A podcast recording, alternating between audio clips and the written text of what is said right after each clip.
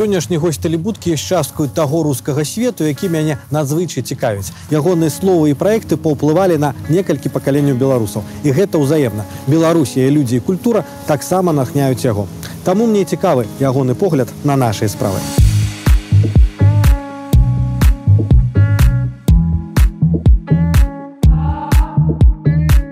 Арцемі для мяне ў свой час было адкрыццём э, тое што вы даволі глыбока цікавіцеся як беларускай культуры так і беларускай палітыкай у цэлым і тут цікава якая кропка адліку вашага інтарэсу да беларусі гэта нейкі дзень момант год калі вам Беларусь стала цікавай Первый раз я оказался в Минске очень поздно. Я несколько раз проезжал через Минск на поезде, скажем, когда еще ребенком ездил из Москвы в Прагу и обратно.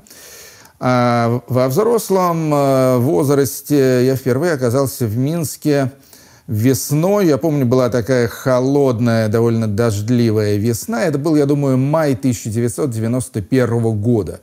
И тогда в Минске на открытом футбольном стадионе, по-моему, под названием «Динамо», происходил большой рок-фестиваль, на котором выступали, я уже не помню, кто там были, и белорусские группы, там были ДДТ, там был Игорь Тальков, собственно говоря, там я с Игорем Тальковым впервые познакомился, к сожалению, незадолго до его смерти в том же году. Э, но это была чисто деловая поездка. Я тогда был просто начальником всего музыкального вещания телеканала «Россия». Сейчас это трудно представить, но, в общем-то, был в моей жизни такой затянувшийся эпизод на целых три года. Вот. И со съемочной группой я приехал на этот большой фестиваль в Минск. Соответственно, свободного времени у меня там не было. Города я толком так и не повидал.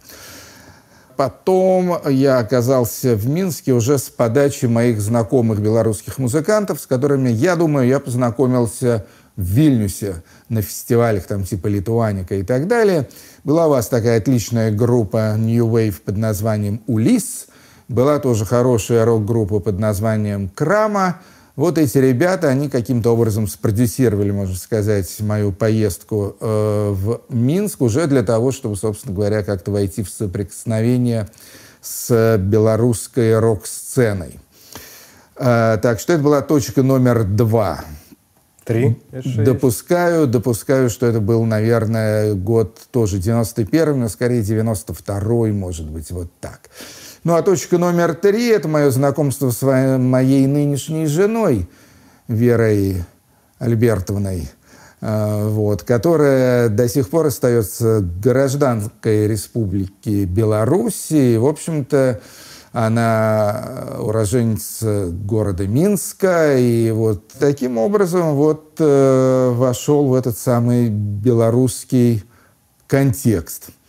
Ну, я могу сразу сказать, что мой любимый белорусский артист, его имя, я думаю, вас сильно удивит, э, поскольку человек этот э, ну, такой сугубо маргинальный, насколько я понимаю, для белорусской сцены, к сожалению, уже покойный, надеюсь, что не забытый, это Вася Шугалей.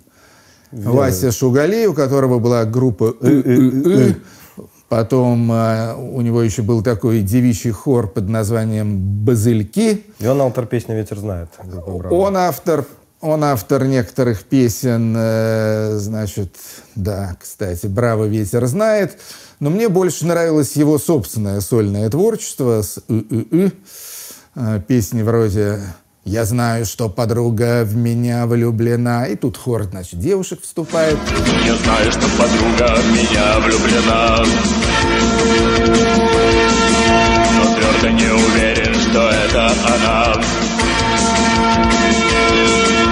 Очень интересный, очень своеобразный был парень. Такой как бы э, полумузыкант, полуактер, эксцентрик. Э, такой, в общем, весьма колоритный тип. Ну, можно его из наших русских сравнить, там, скажем, э, с Петей Мамоновым. Так, так, подобно. Там отчасти, может быть, э, э, из питерских, я даже не знаю, кого тут... А, группа «Ном», скажем, есть такая ага. замечательная э, в Ленинграде, а, Петербурге. А цікаво, вы Беларусь, беларускую музыку тым ліку у тыя савецкія часы успрымалі все ж таки а, як асобную з'яву И, в принципе, белорусов? Все ж таки это были те же, те же советские люди, да, просто со, своей какой-то, под, со своими подходами. Хороший вопрос, как-то я не задумывался на эту тему, но могу сказать, что, э, в общем-то, до 90-х годов, то есть до распада Советского Союза, как-то меня белорусская музыка не то чтобы не впечатляла, но, в общем-то, и вообще не интересовала. То есть в моей жизни ее не было. Естественно, я знал группу «Песняры», я знал группу «Сябры», и Верасы. Э, я знал группу «Верасы». Я помню, однажды для газеты «Московский комсомолец» где-то в начале 80-х я написал даже э, рецензию на концерт группы «Верасы» в Москве которую я назвал «Час розовый». Ну, у них есть ага. в песне про Малиновку. Малиновка, да что-то про час розовый. В общем, боюсь, что Веросам эта рецензия не очень понравилась. Но я вообще не любил все эти розовые советские ВИА. Прошу тебя, час розовый,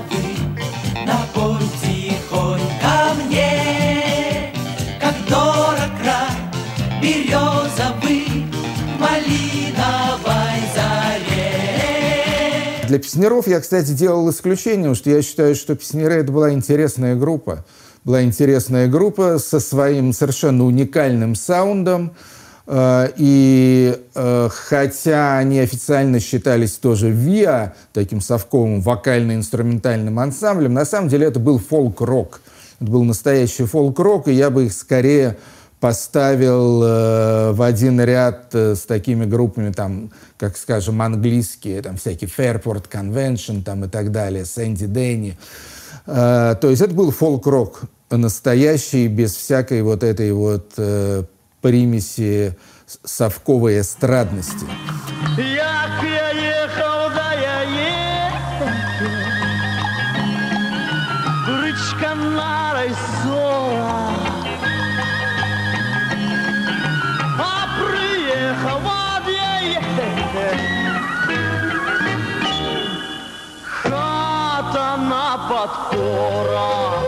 Потом они, правда, стали похуже, вот, но их первые работы были интересные. Но я с ними никогда не общался, поскольку ну, я был человеком подполья.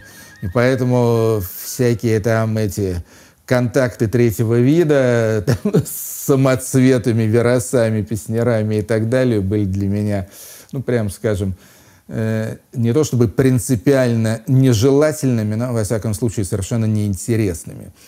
И э, в 80-е годы, уже во второй половине 80-х годов, скажем, в Украину я проник, и мне безумно понравились тамошние некоторые группы киевские, в частности, естественно, Вопли Видоплясова, ага.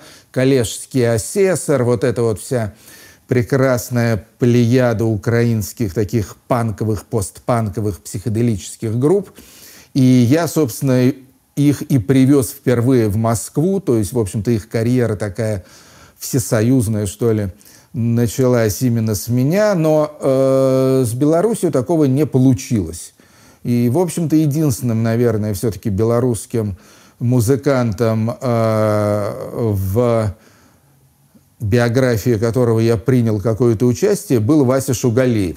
Группа ИИИ базируется в городе Минске, ее возглавляет Василий Шугалей – и сейчас вы увидите их впервые. Я думаю, что их не видели даже в Белоруссии на телевидении.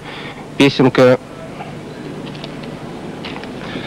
Песенка «Я знаю, что подруга в меня влюблена».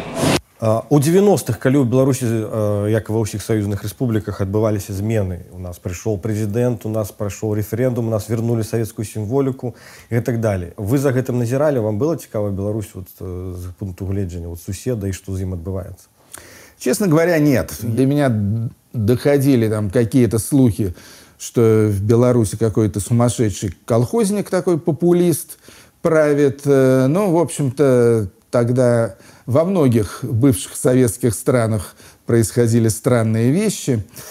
А, вот. Э, но особого внимания я этому не придавал. В 90-е годы жизнь в России тоже была очень насыщенные, интересные, разнообразные и так далее. Такое было время безграничных возможностей. Делай, что хочешь, придумывай что угодно. Так что в 90-е годы я был сильно занят и в России, и на Западе. Э, там телевидение, радиопередачи, журнал Playboy. Начал я интересоваться событиями в Беларуси, наверное, вот уже, уже начиная с нулевых годов, когда мы стали сначала встречаться, а потом и э, вступили в брак с моей нынешней женой, у нас уже пошли дети и так далее. Жена, получается, четвертая жена. Вера моя четвертая, вот, и, полагаю, последняя жена. А, вот, семья у нас довольно дружная. Вы сказали, что она с Минска, а, то есть ее, ее корни там, так? То есть там, там... Э, Вера из Минска, и она с тракторного. Вы познакомились не в Беларуси, да? Не в, в Нет, конечно. Вера уехала из Минска в 93 году. Угу. И с тех пор она жила в Москве, работала в Москве, у нее был бизнес в Москве э, по торговле химическим оборудованием. А, вот, так что а, Где вы пересеклись, уже, просто непонятно. Так. Мы с ней пересеклись. Это было связано с журналом Playboy. А. Как-то не странно, потому что двоюродная сестра Веры э, по имени Маша, она у нас снималась в плейбое эротическим образом. И, ну и, в общем, таким образом как-то э, познакомились мы с ее сестрой Верой. То есть история, история не имела к Беларуси вообще никакого отношения. Вот. Но Вера оставалась гражданкой Республики Беларусь, остается ею до сих пор, и, в общем-то, к российскому гражданству она никогда особо не рвалась. Як часто вы вот бываете в Беларуси, не веду, апошний год вы были э, хоть раз? Нет. В Беларусь мы приезжали достаточно регулярно э, все последние годы. И когда мы жили еще в России, то есть до э, 2014 года, и после 2014 года, когда мы переселились в Таллин, э, навещали мою тещу, она на тракторном э, Она живет, там же, там же на тракторном и проживает. За этот год, да? То есть вы решили не ездить, э, потому что что? В последний год э, я в Беларусь не ездил, просто по той причине, что я себе не очень представляю, что со мной там произойдет. Дело в том, что когда началась летняя белорусская революция, и я, и Вера, мы приняли эту революцию очень близко к сердцу, потому что ну, это, это было прекрасное событие, и мы сидели просто сутками у телевизора, у, э, смотрели телеканал «Дождь», скажем, где шли просто ну, практически круглосуточные репортажи из Минска и других белорусских городов. Э, и мы восхищались, конечно, вот мощью и красотой этой августовской белорусской революции. Я много на эту тему писал, много высказывался. И, разумеется, все мои высказывания и все мои тексты, они были полны поддержки восставшим народным массам э, и презрения к Лукашенко и его фашистскому режиму. То есть а, просто страшновато туда ехать. Так? Да, и я прекрасно понимаю, что поскольку Лукашенко и его опричники – это люди абсолютно без тормозов, это беспредельщики, это маньяки, э, и они очень часто делают какие-то вещи, которые ну, им категорически невыгодны. Скажем, зачем было сажать самолет с Протасевичем? Это, это был акт абсолютного, абсолютного безудержного идиотизма. И таких акций у него было довольно много. И поэтому я прекрасно понимаю, что при всех возможных издержках они могут схватить меня. Э, вот. Естественно, им будет в чем меня обвинить, потому что текстов э, и всяких видео На, на, год 10, обращений. На, на год 10 белорусской колонии Да, написали. да, да. Я думаю, что я их наговорил большое количество. Скажите, ну и в Россию вы Наговорил же и- так само написал. не, не, не въезжаете, да, кольки уже часу? Ну, в России я последний раз был в марте-апреле этого года. Э, Ситуация в России становится постепенно все хуже и хуже. Э, Но э, я не уверен, что она еще дошла до э, такой степени не стра- не- не так маниакальности, страшно, да, туда как в Беларуси. Да, да, в Россию ездить, э, ездить пока что рискованно, э, но гарантии того, что меня там ожидают неприятности, у меня нет.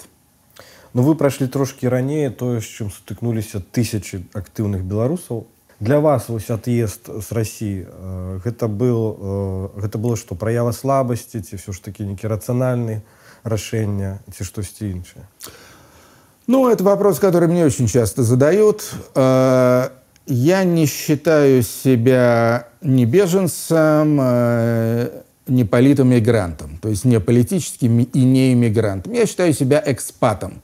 То есть, когда мы в 2014 году покинули Москву и Подмосковье и обосновались э, в Таллине, в Эстонии, в общем-то, меня к этому никто не вынуждал. То есть это не то, что я подвергался в России каким-то преследованиям, что мне грозили какие-то там аресты, посадки и так далее. ну на вас же накатывали Ничего там, такого ну, не суд было. подавали там, Да, у меня пять, по, пять по-моему да, у меня было? были, да. у меня были проблемы. У меня было семь, у меня было семь судебных исков, пять административных, два уголовных. Но это был э, 2011-2012 год. Еще такие относительно вегетарианские, что называются, времена. Из семи судебных дел я шесть выиграл. Проиграл только другу Путину Владимира Киселеву. Но там выиграть было в принципе невозможно. Так что я не могу сказать, что меня там из страны выдавили, да, как это вам просто происходит э, сплошь и рядом сейчас. так? Не совсем, я бы сказал. Я бы сказал, что э, моей и веренной главной мотивацией были наши дети. То есть 2014 году, естественно, это оккупация Крыма, это война на Донбассе и так далее. Это весь вот этот э, путинский милитаризм, ура-патриотизм, э, имперские, значит, все эти от- отвратительные э, выпады. И нам стало просто противно, и особенно нам стало страшно за наших детей. То есть я совершенно не хотел, чтобы мои дети жили, воспитывались, получали образование в фашистской стране. Вот это вот был основной мотив. И, собственно говоря, из-за детей мы и уехали. Я, если бы я не был семейным человеком э, и многократным папой, то я вполне мог бы остаться в России, потому что, ну, больше половины своей жизни я прожил в Советском Союзе. Тоже еще то было государство. Тоталитарное, коммунистическое, репрессивное и так далее. И в Советском Союзе у меня тоже были проблемы, особенно вот в первой половине 80-х годов. до этого вернемся поздней То есть... да вот про дзяцей хотел удакладніць э, яны же атрымліваюцца таксама по пашпарце беларусы Наши дети на самом деле имеют двойное гражданство. То есть, если у меня гражданство одно единственное российское, у Веры тоже одно единственное белорусское, а вот дети наши уже имеют каждый по два паспорта. вот так Они и россияне, и белорусы одновременно. Что вы можете сказаць вось тым беларусам які сутыкнуліся вось э, цяпер з тым што ім трэба асвайвацца в новой обстановке Я могу сказать, что абсолютно точно, что тут нет никаких универсальных рецептов. То есть, что хорошо для одного человека и в одной обстановке, то совершенно не годится для другого человека Индивидуально всё, да. и в другой обстановке. Значит, я сказал бы так, что Лукашенковская Беларусь – это стопроцентно фашистское государство. То есть, э, ну, фашизм, естественно, бывает разных градаций. Бывает гитлеровский нацизм с лагерями смерти на миллионы человек и так далее. Бывает сталинизм, опять же, с ГУЛАГом и какими-то, значит, захватническими амбициями. Бывает фашизм такой более спокойный, как бы итальянский, испанский, португальский, ну, соответственно, при, при Салазаре и Франко. И имеется белорусский лукашенковский фашизм. Почему-то э, не очень любят э, современную Беларусь и современную Россию называть фашистскими государствами. Хотя это стопроцентно фашистские государства. Как бы считается, ну фашизм это как-то обидно, оскорбительно. На самом деле, в общем-то, фашизм это просто констатация факта, это определение. Имеются э, всевозможные научные, а также научно-художественные работы, скажем, у того же Умберто Эко, где называются все признаки фашизма. А людям нашим як жить с этим режимом? То есть... Да. Ну вот, значит, имеется, имеется фашистский режим. Соответственно, в первую очередь, люди, которые живут э, в Беларуси, должны прикинуть, они хотят жить в фашистском государстве или нет. Они могут жить, они смогут вытерпеть жизнь в фашистском государстве. Или как бы это им э, совершенно ни к чему. Если они решают, что я смогу, я уйду во внутреннюю эмиграцию, я спрячусь от этого государства, я, я буду сидеть тише воды, ниже травы, молчать, окапывать свой огородик, слушать там или поигрывать свою любимую музыку и вообще никуда не показываться. Ну, в общем-то, та- таких людей очень много. Скорее всего, таких людей даже большинство. Ну, пусть они так и живут, это их выбор. Если ты чувствуешь, что ты не можешь жить вот в стране, где ходят эти опричники, вламываются в квартиры, арестовывают, избивают, э, стреляют. а иногда и стреляют в людей. Вот, если ты не хочешь жить в стране, на которую вся остальная Европа смотрит просто как на чумной барак, ну тогда, разумеется, в этой стране делать нечего. Конечно же, есть люди, которые в разной степени подготовлены к тому, как жить за границей. Вот опять же, если вы не знаете ни одного языка, кроме русского и белорусского, вам будет очень сложно освоиться в Европе или в Америке.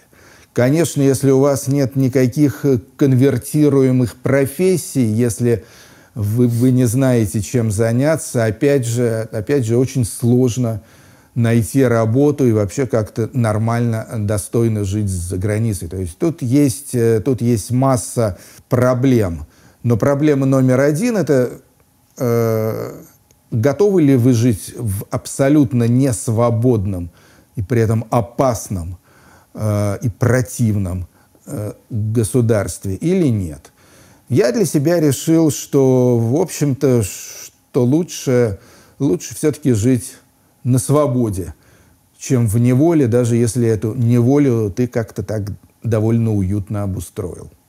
Ну, большасць маіх сяброў якія з'ехалі па ясных прычынах э, хочуць вярнуцца ў мінск а вы хочется вернуться в москву я не знаю, честно говоря, хочу ли я вернуться в Москву, но я не типичный в этом смысле человек. Во-первых, мне уже 66 лет.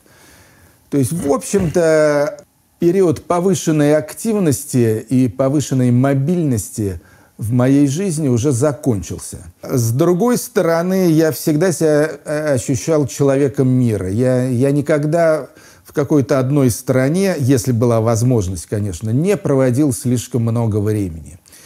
Поэтому э, я, честно говоря, не знаю. Э, разумеется, если будет э, мне чем заняться в России – и если это будет интересно, и, ну и, конечно, если это будет безопасно, то я бы туда с большим удовольствием вернулся. У меня в жизни уже один раз был такой эпизод. Я в 89-90 э, году жил э, в Лондоне. И у меня там была работа, я там уже написал, закончил, издал свою вторую книгу. Я там работал на Channel 4, на четвертом канале британского телевидения. И, в общем, все у меня было, все у меня было отлично. Но э, в какой-то момент э, мне позвонили из Москвы, такой Витя Крюков, режиссер телевизионный, и сказал, что создается новый, как бы, свободный демократический телеканал «Россия», как бы создается под Ельцина – Э, вот, я туда иду, значит, э, режиссером, э, и нам нужен начальник музыкальных программ. И тут вот я прикинул, вот жить мне в прекрасном городе Лондоне или возвращаться в родной город Москву. Вот, естественно, зарплата у меня там была, ну, наверное, по тогдашним советским меркам, это был 90-й год, довольно высокая, но по лондонским меркам я терял, ну, наверное, раз в 10 с точки зрения, с точки зрения получки. Вот. Но, тем не менее, это был настолько э, да, такой бросающий вызов, настолько амбициозный, интересный проект, э, что я бросил э, город Лондон, уехал в Москву, ну и вот там вот проработал в течение многих лет э, на телевидении и начальником, и ведущим программ и так далее. Э, я не думаю, я не думаю, что что-то похожее произойдет э, сейчас, просто потому что мне годочков уже не 36, а 66. А, вот. Тем не менее, тем не менее, я не исключаю того, что если Россия станет свободной и будет вот эта прекрасная счастливая Россия, Дима о которой говорят, да, Навальный и все прочее, вот, я мог бы туда вернуться, потому что, потому что страна-то хорошая, и страну-то я люблю. Я государство ненавижу, а, а страна, ну, широка страна моя родная. То так, есть она так. и родная, и масса там есть и прекрасных людей мне хорошо знакомых, и родственников в том числе. Две мои старшие дочери, кстати, в Москве живут. Вот, так что я не исключаю, что я бы туда вернулся. Это, кстати, меня отличает от э, э, типичных эмигрантов, потому что эмигрант это все-таки тот, они уже кто, пускают, да, корони. Кто уехал с тем, чтобы не возвращаться, с тем, чтобы начать новую жизнь, новую карьеру, новое все. Я это прекрасно понимаю. Но э, у меня вот этого нет. Я на самом деле, так же как моя цыганская супруга, я тоже человек кочевой. Цяпер беларуская культура в прынцыпе цалкам загнаны ў падпольны стан гэты стан вам добра вядомы па савецкіх часах і мне вось цікава ці можа ці можам мы нешта пераняць вось, з метадаў гэтага савецкага культурнага падполя для цяперашняй беларускай сітуацыі як вы думаете Я думаю, да. Я думаю, что, во-первых, это советское культурное подполье, оно существовало и в Беларуси тоже. Наверняка там были и подпольные рок-группы, и сам издатовские писатели, э, и много всего такого, что категорически не приветствовалось на официальном уровне. Я думаю, что вообще это конечно, вынужденная, но в каком-то смысле здоровая тенденция. И я все жду, что это произойдет и в России тоже. То есть настоящая культура, причем все ее отрасли, э, и музыка, и живопись, и так далее, должна уходить в андерграунд. Она должна уходить в подполье. В России, к сожалению, этого еще наши деятели культуры не поняли – они до сих пор пытаются что-то сделать в этом самом легальном поле с фигой в карманах и так далее. Ну, то есть э, тут э, вспоминаются, естественно, советские времена. В советские времена, разумеется, были и прекрасные театральные режиссеры, там, скажем, Любимов, да, и театр на Таганке с Высоцким. Э, были и прекрасные кинорежиссеры, там Андрей Тарковский, да, супер, вот, которые умудрялись каким-то образом в контексте советского тоталитаризма, э, под гнетом цензуры и так далее, но умудрялись делать какие-то интересные вещи. Э, но в то же время, естественно, существовал и вот этот обширнейший андерграунд, и музыкальный, и литературный, и художественный. Все эти неофициальные квартирные выставки, квартирные концерты, сам издатовская литературы и все такое прочее. Сейчас для этого возможностей гораздо больше, потому что помимо трехмерных пространств еще имеется интернет, в котором тоже все можно выкладывать. И я думаю, что, конечно же, чем пытаться, значит, каким-то образом э, прийти э, к компромиссу с государством, в том числе прийти к компромиссу с государственной цензурой, вот, конечно, лучше творить бескомпромиссно и делать, э, и делать это в андерграунде. Я так думаю, что в Беларуси это уже происходит, ну, потому что общая ситуация в Беларуси все-таки жестче, чем в России. И там э, люди уходят в андерграунд просто, я так понимаю, под страхом э, прямых репрессий, ареста и так далее. В России до этого в культуре еще не дошло. Но постоянно уже какие-то первые грачи прилетают, то есть запрещаются концерты и гастрольные туры, происходят какие-то облавы и запрещаются, скажем, какие-то спектакли театральные – и я думаю, я думаю, что э, со временем это будет носить все более масштабный такой сплошной характер, то есть пойдет уже такая ковровая бомбардировка по культуре, и, в России будет то же самое. Вы все ближе до нас, да? Да. И, и, в этом, и в этом случае, естественно, ну, имеется ровно два выхода. Это или э, свал или отъезд за, э, за границу. Для э, людей культуры, для художников, конечно, это штука менее, скажем так, приветствуемая, чем, скажем, для программистов.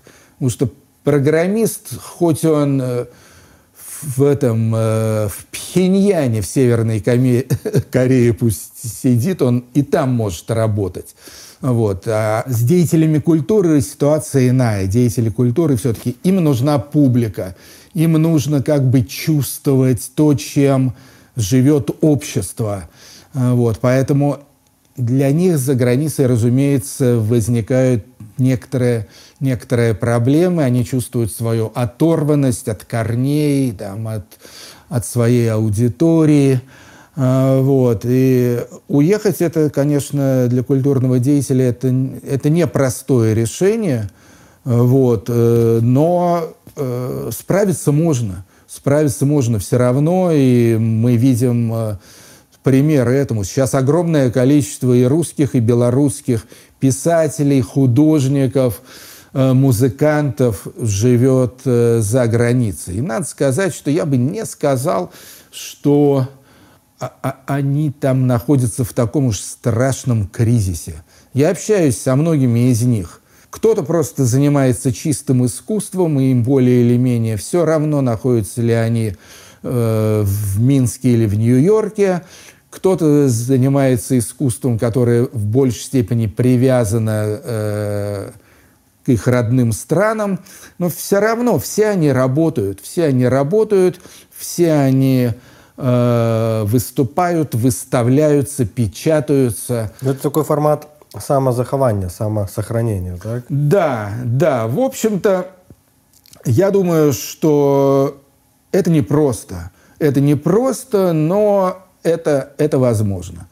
А второй вариант, если по каким-то причинам вот категорически ты или не хочешь, или не можешь э, отбыть в свободный мир – значит, остаешься в концлагере, вот, но при этом переходишь на сугубо, сугубо подпольное положение, и тут уже, тут уже все должно быть серьезно. Во-первых, это риск, конечно, а чтобы риск уменьшить, э, надо соблюдать законы конспирации.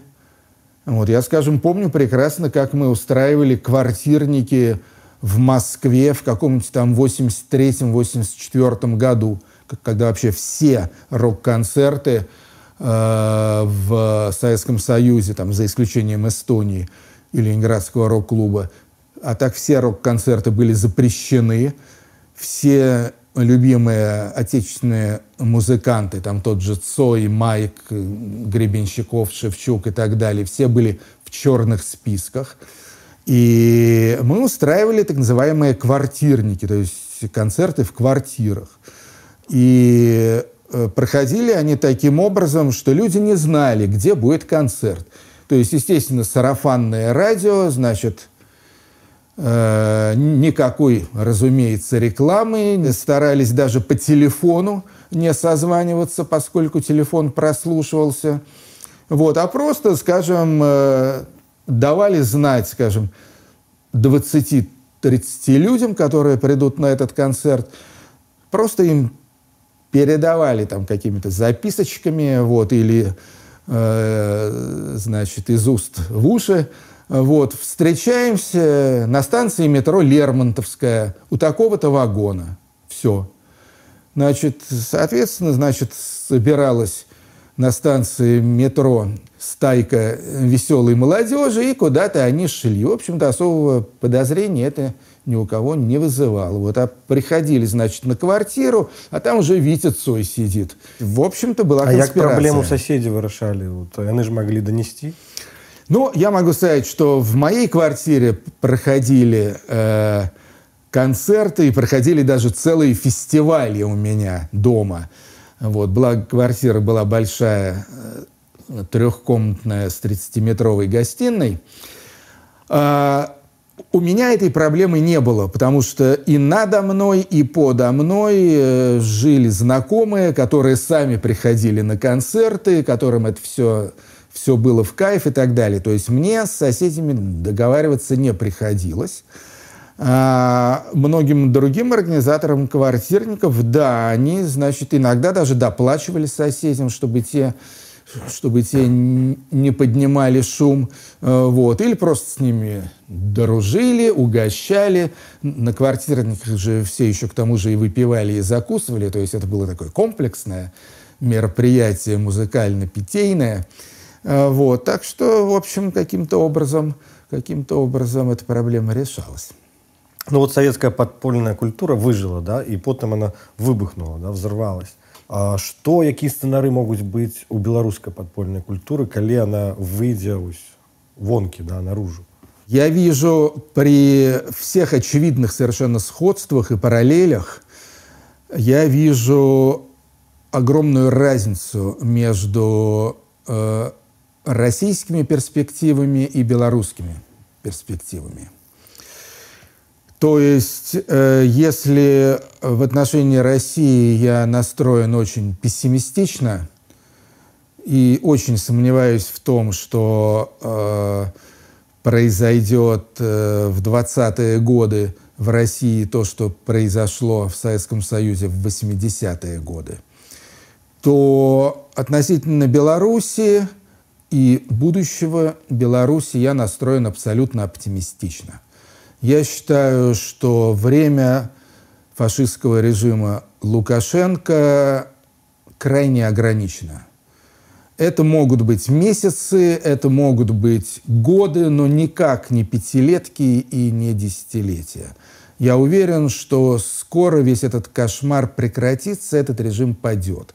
Каким образом это произойдет, тут могут быть очень разные сценарии, получше, похуже, но я считаю, что хуже, чем сейчас, быть не может.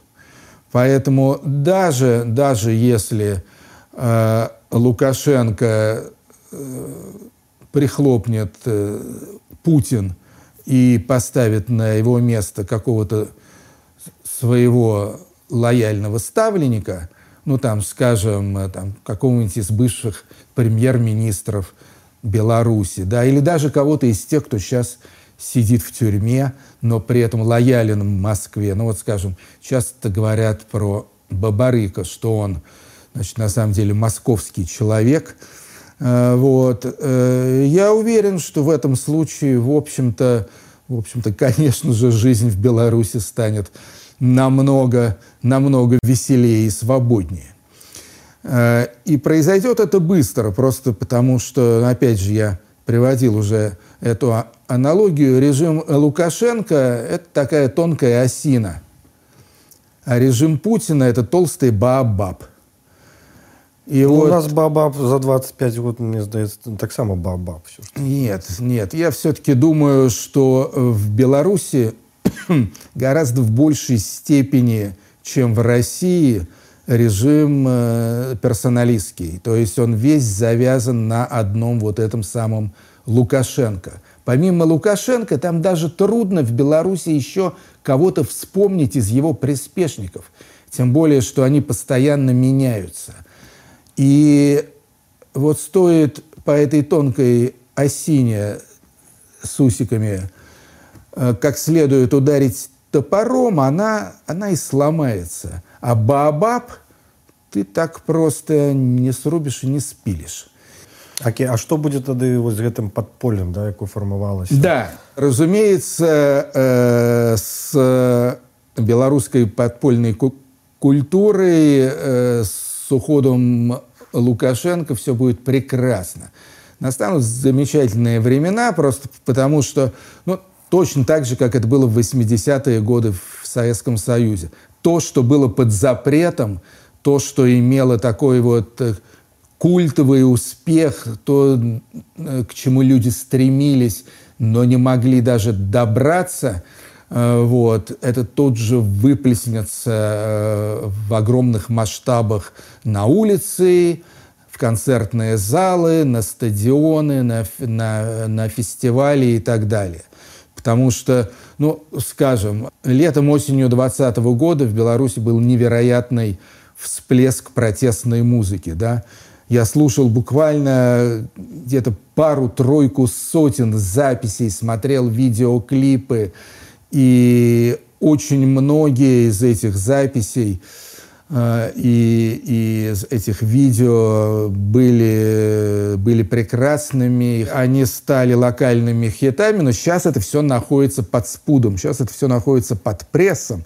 Вот, поэтому как только этот пресс, значит, будет выброшен в помойку, э, тут же, разумеется, будет всплеск огромной народной любви и огромного интереса ко всему тому, что, что было запрещено э, в годы репрессий. Вот, так что я думаю, я думаю, что все эти ребята, и Левон Вольский, и Нискис, там, и многие-многие другие, что они все, конечно, ну, по крайней мере, в течение какого-то времени – так же, как это было в 80-е э, годы с рокерами, э, вот, в течение какого-то времени, там, лет э, двух, трех, четырех, они будут э, в большом фаворе. Ну, ось вельмі хацелася бы вам верить. Да. вы як в прынцыпе чалавек рускай культуры мне цікава як вы ўспрымаеце Беларусь беларускую культуру вось праз гэтую прызму сваёй рускасці Беларусь беларуская культура для вас гэта частка працяг там э, рускай культуры да это культура малого народа ці гэта цалкам самастойная нейкая з'ява вот что гэта для вас ну я так думаю что я достаточно э, типичный русско-советский интеллигент и поэтому могу дать э, Э, скорее ответ э, не столько про свое личное восприятие, сколько вообще вот о таком типичном для москвича, интересующегося культурными вопросами, восприятии белорусской культуры. Ну, начнем с того, что мое знакомство с белорусской культурой началось с музыки, и это была группа «Песняры». И мне очень нравилось то, что они поют по-белорусски, а не по-русски. Хотя потом они запели и по-русски тоже. А, второй очень важный для советского интеллигента а, белорусский персонаж – это, разумеется, Василий Быков, которого мы все читали, любили, до сих пор как-то не отпускают, скажем так. Точно так же по Э, книгам Василия Быкова были сняты некоторые прекрасные фильмы, в частности, Лариса Шепетько, э, которая тоже... Восхождение. А, восхождение. Э, вот эта вот военная тема, она тоже как-то с, э, с Белоруссией всегда ассоциировалась. То есть почему-то вот у нас, ну, скажем, если Грузия у всех москвичей ассоциировалась с вином и шашлыком, Э, Балтийские республики э, с каким-то таким полузападом и всякими запретными плодами, хиповыми, э, там, рок-н-ролльными и так далее. Но Беларусь всегда очень четко ассоциировалась со Второй мировой войной, с партизанами, вот со всем со всей этой историей. Потом, разумеется, Светлана Алексеевич, это уже в позднеперестроечное время, были некоторые Э, довольно популярные в России белорусские фильмы. В частности, я помню фильм такой, не помню уже даже имя режиссера, он назывался «Дикая охота короля Стаха». Рубинчик. Ага, Рубинчик, точно. Вот сейчас вспомнил фамилию. Фильм был популярный, потому что, опять же, это был своего рода, ну, не то чтобы фильм ужасов, но, в общем, такой готичненький такой, такой фильм на средневековые темы. И, опять же, было в нем что-то такое совершенно, совершенно не русское. Вот. Поэтому, в общем, а, отношение, отношение к белорусской культуре всегда было как к самостоятельному явлению. Вот. При этом я не могу сказать, э, что оно было таким очень сфокусированным. То есть, с одной стороны, э, дикая охота короля Стаха, э, с другой стороны, иди и смотри, да, такие немного разные вещи, но, наверное, что-то их все-таки объединяло, а именно то, что Э, в общем, и там, и там было страшновато. Да. А местами даже очень страшно. Вот, так что Беларусь как бы вот не ассоциировалась с каким-то с каким-то таким вот счастьем, теплом, солнечностью. Что-то такое всегда было такое гру грустное, да, по поводу Беларуси. Вот, и даже прекрасная Беловежская пусть, пуща, воспетая песнярами, и то, вот если подумать, что такое Беловежская пуща, то все-таки в первую очередь чащоба и болото, да. Вот, э, вот примерно так. Но то, что белорусская культура – это не русская культура, ну, для меня лично это было, это было совершенно очевидно. Э, хотя белорусского языка, кроме как в песнях песняров, я, в общем-то, даже, пожалуй, и не слышал. Ну бывае інакш да бывае по-другому і э, вельмі часто даводзіцца чуць выказванні у тым ліку рускіх вядомых артыстаў вот так з пункту гледжання старэйшага брата ведаеце размова пра э, вадзіма самойлова з групы агата крысці вядомага вам ведаю вашу сумную гісторыю он падаваў на вас суд ён на канцэрце ў гомелі сказал наступна как хорошо что наши президенты встретились и обо всем договорились у вас, белорусов, был тяжелый год, как хорошо, что вы выстояли, вы молодцы. Никто не хочет вас себе присвоить. Мы хотим с вами дружить, любить вас. Хотим вместе делать большие достижения. И дай Бог у нас все это получится, потому что как русские, так и белорусы на войне своих не бросают. Как вы ставитесь вот до таких выказываний, выказываний вот, русских наших товарищей? Ну, во-первых, э, я очень рад, что в свое время выиграл аж два дело у Вадима Самойлова. Э, кстати, он подал на меня в суд за то, что я назвал его пуделем Суркова. Сурков тогда был такой главный путинский идеолог, ну а Самойлов был при нем на самом деле такой музыкальный пудель. Крайне неприятный и подлый тип. Ну, э, я помимо вот этого высказывания Вадима Самойлова, честно говоря, не могу припомнить высказывание какого-то еще более или менее статусного российского артиста на эту тему. Ну, естественно, были вот все эти ребята, Басков, Киркоров и так далее, которые пели песни в честь Лукашенко. Ну, понятное дело, это попса, это такие придворные, опять же, пудели, которые за деньги или там за какие-то услуги, привилегии готовы сделать все, что угодно для Лукашенко, и уж тем более а, для Владимира Путина. Я э, говорю иногда с нашими артистами о ситуации в Беларуси и никогда, никогда э, ни с кем мне не приходилось спорить, не приходилось никого убеждать. Все считают Лукашенко диктатором, мерзавцем, маньяком, убийцей. Никто не хочет категорически иметь э, с лукашенковским официозом вообще никакого дела. Многие группы раньше, в том числе ну и в относительно недавнее время, в Беларусь приезжали. И меня это даже удивляло. Скажем, у нас есть такая замечательная электропанковая группа «Барто», которые были запрещены концерты э, в Москве и Петербурге, потому что они и матом поют, э, ну и по поводу путинского режима тоже высказываются совершенно определенно и тоже не очень пристойными словами. Так вот, эта группа Барто с Машей Любичевой, они, при том, что не могли э, выступать в России, они выступали в клубах э, в Минске. И это абсолютно точно. Я спрашивал Машу, а как вообще это возможно? Беларусь-то вроде тоже страна жутковатая с цензурой, диктатурой и всем таким прочим. Она говорила, ну вот, тем не менее, у нас в Беларуси есть поклонники, нас приглашают, мы выступаем. Был дуэт с белорусской группой «Нака» у да. Барто, так само, там ведомая песня. Да, Барто. Да, скоро все ёбнутся, не успеешь опомниться. Да. Кто ты теперь, офисный работник? Ты кочегар, слесарь и плотник. Оранжевую робу примерь, попробуй. Оранжевую робу примерь, попробуй. Скоро все ёбнется, не успеешь опомниться. Скоро? Я думаю, что наши музыканты, равно как э, и прочие деятели культуры, они абсолютно солидарны.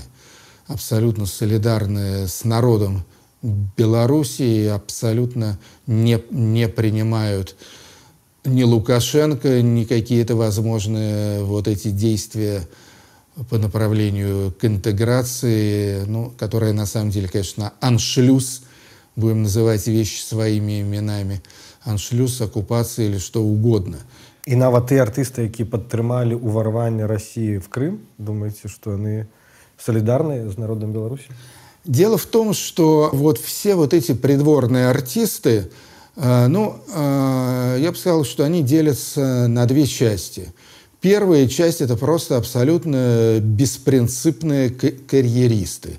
Это вот люди типа Баскова, Киркорова, какой-нибудь там... Так в рок-тусовке Гурцкой так, так там и так далее. Э, вот, которые, которые готовы на все.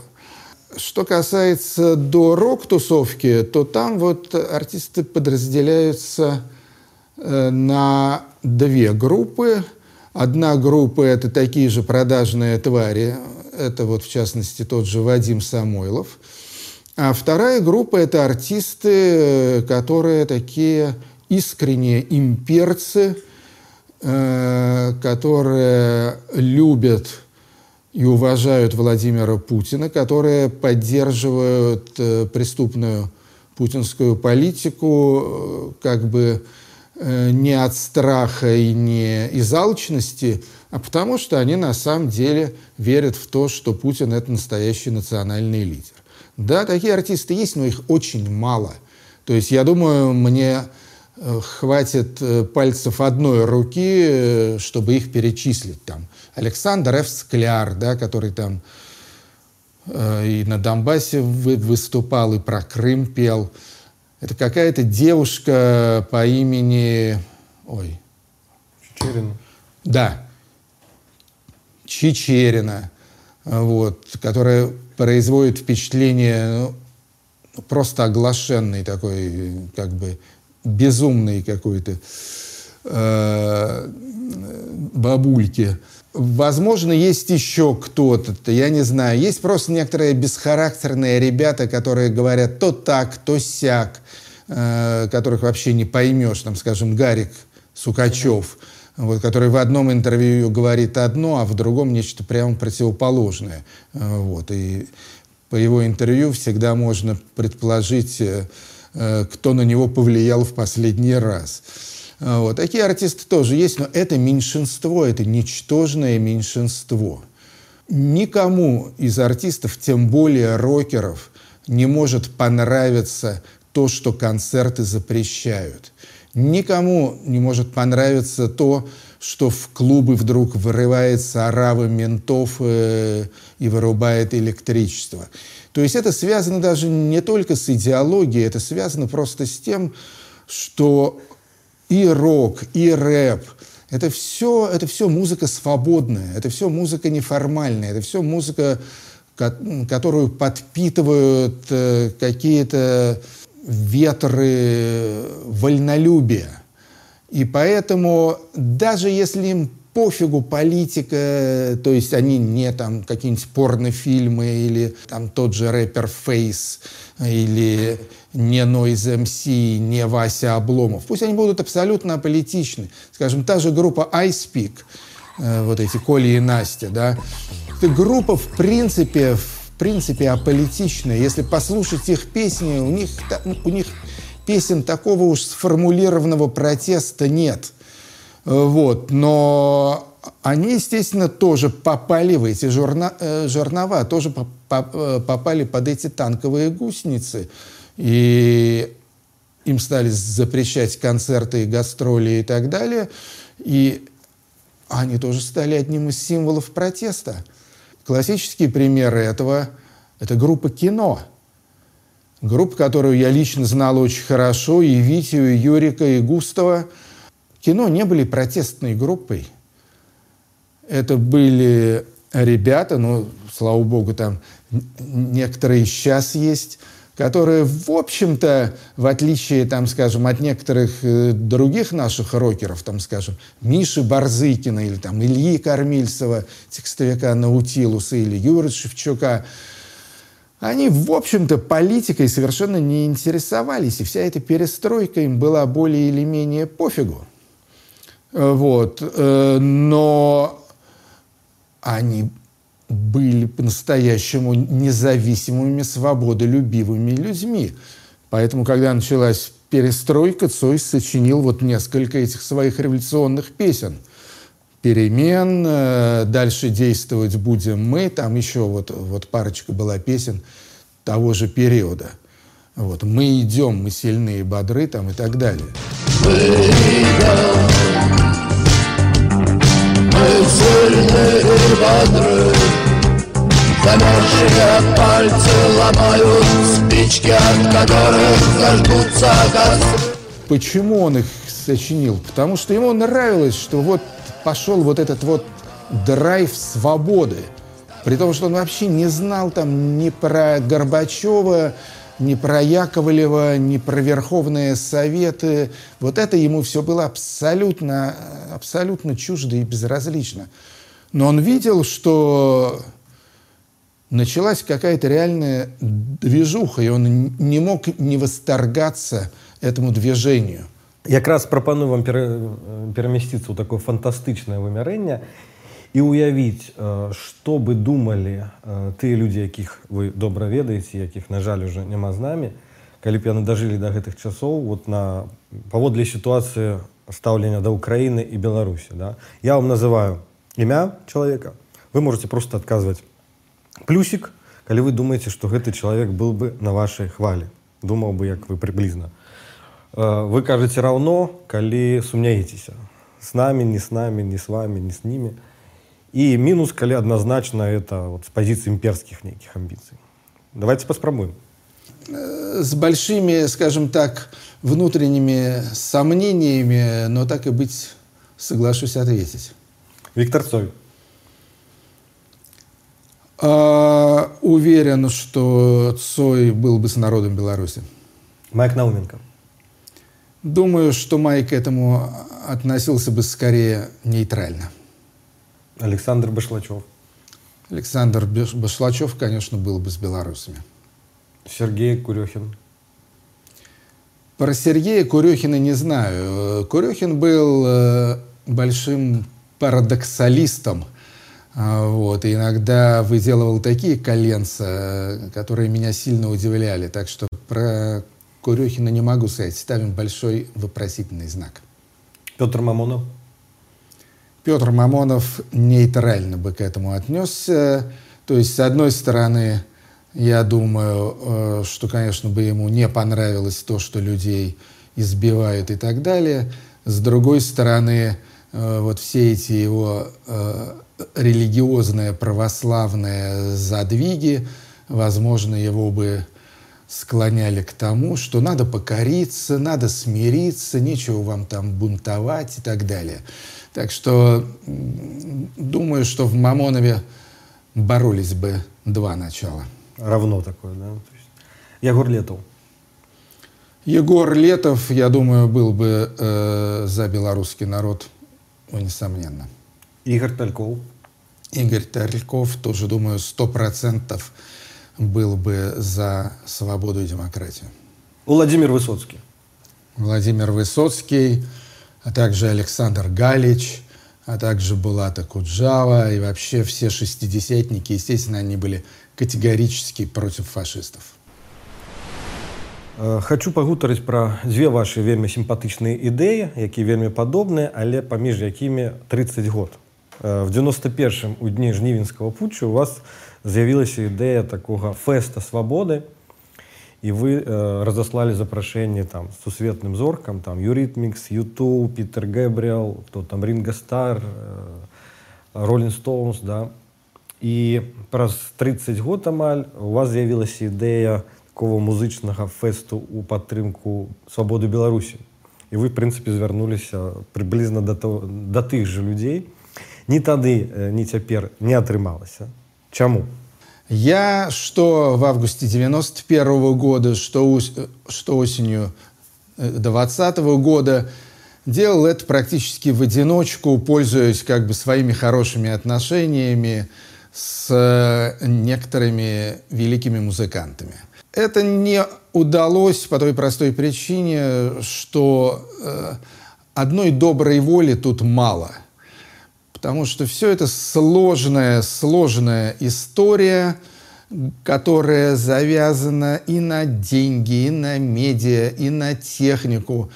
И если в делах медийных, скажем, я еще кое-что смыслю, то в финансах, логистике, всяких технических аспектов я не смыслю вообще ничего. Это одна причина. А, вторая причина э, заключается в том, что, ну вот конкретно, если говорить о 2020 году, э, причина тут э, в том, что вообще мир сейчас находится в довольно сметенном состоянии, и, как мне конкретно ответили некоторые там из великих людей, которым я предложил, ну, обратился с предложением То назовите кто. По поучаствовать в э, значит, каком-то телевизионном, естественно, не шла речь о живом концерте, речь шла вот именно о телевизионном марафоне э, в поддержку народу Беларуси. Нет, ну я там разослал э, мейлы многим известным людям. Это, это были Юту, это были а, Депеш Мода, это был Пол Маккартни, это был Питер Гэбриэл, это была Йоко Оно. А, ну, в общем, где-то около 20, около 20 этих писем я заслал. Некоторые не ответили вообще. Буквально трое ответили согласием. Это Лори Андерсон, группа Франц Фердинанд и группа Arctic Monkeys – две британские группы. А некоторые написали мне письма, в общем, в которых они объяснили свою позицию. Скажем, э, наиболее развернуто это сделал Питер Гебриэл, который сказал, что он бы рад, что он, естественно, там, что он в курсе этих событий, что он с народом э, Беларуси, и что там происходит безобразие, и он всячески, значит, поддерживает движение протеста. Вот. Но при этом он сказал, что сейчас время такое смутное и мутное. А, вот, и у меня очень много каких-то собственных дел, собственных проблем и так далее. И, в общем, я боюсь, что, э, что вряд ли смогу в обозримом будущем в таком проекте поучаствовать. Вот, то есть, в принципе, разумеется, я думаю, никто в мире, ни из рок-звезд, ни из поп-звезд, ни из голливудских звезд – никто в мире не стал бы поддерживать режим Лукашенко, потому что все видели то, что происходит в Беларуси, все видели эти кадры, все, в общем-то, более или менее себе представляют э, все эти жуткие фашистские репрессии, которые сейчас э, в Беларуси творятся. Соответственно, никто Лукашенко, разумеется, не поддержал бы. Тут, тут вообще тут Тут вопросов нет. Ну, может быть, есть какие-то какие совсем уже такие э, конченые алкоголики и продажные твари, типа там Оливер Стоун или там какой-нибудь Майкл Сигал, или как там этого, uh-huh. а, Стивен Сигал, uh, вот, или Депардье там тоже малосимпатичный типчик. Вот, то есть есть какие-то отдельные такие сугубо маргинальные люди, которые, скажем, Путина любят. Но это, это единицы. Я думаю, что даже эти ребята, которые там э, к Путину относятся неплохо, но уж Лукашенко-то они вряд ли, вряд ли бы стали приветствовать. Слишком одиозная фигура Лукашенко. То есть он вообще никому не нужен во всем остальном мире. Никому не только белорусам, но и всем остальным. Вот. Ну, кроме, естественно, э, своих этих горилл и опричников. А, вот, так что, с одной стороны, все поддерживают, с другой стороны, вот проворачивать э, такого рода вещи, их надо, с одной стороны, абсолютно профессионально, и заниматься этим э, по 24 часа 7 дней в неделю – Э, вот, и привлекать к этому делу специалистов самых разных областей. Вот. Ну, а сейчас еще вдобавок надо все-таки дождаться какого-то чуточку более благоприятного времени, если иметь в виду ковид и всю вот эту сумятицу и неразбериху, которая связана с пандемией и которая, естественно, очень-очень сильно ударила по музыкальной индустрии и вообще шоу-бизнесу. Ну и, в принципе, концерт Питера Гэбриэла, Артис Манкіс, Франц Фердинанда и Пола Маккартни у падтрымку Беларуси, он у будучыні магчымы все ж Ну, смотрите, я так думаю, я так думаю, что рано или поздно в Беларуси произойдет то, что случилось в Москве в августе 91 -го года, причем в еще большем масштабе и намного веселее – что белорусская революция победит, и вот когда белорусская революция победит, это будет большой праздник и для народа Беларуси, и для, ну, если не всего, то, по крайней мере, значительной части народов всего бывшего СССР. Ну, и я думаю, что весь мир тоже будет в восторге от того, что случилось, от того, что свобода победила репрессии, от того, что демократия победила диктатуру. А, вот. И вот в честь этого события я очень надеюсь, что э, приедут в Минск, я уже даже не знаю, в какое именно место, может быть, вот в те места, где проходили демонстрации, вот там где-то Стелла стоит. Великий концерт для Стеллы, да, у нас уже да. есть такая идея. Во-во-во. А вот э, я думаю, что и Питер Габриэл, и Мик Джаггер, и Пол Маккартни, дай бог им всем здоровья, что они там выступят. Ну і зноў жа вельмі хацелася бы верыць Дякую Артёме за, за такое аптымістычнае інтэрв'ю я, я спадзяюся што трошки разагрэе сэрцы беларусаў якія там часам трацяць аптымізм наконт усяго што адбываецца і вельмі хацелася каб усе ваши вось гэтыя паслання яны реалізаваліся у сапраўднасці Ну и вам тоже то есть победы победы как там так так і так. Дякую. Дякую.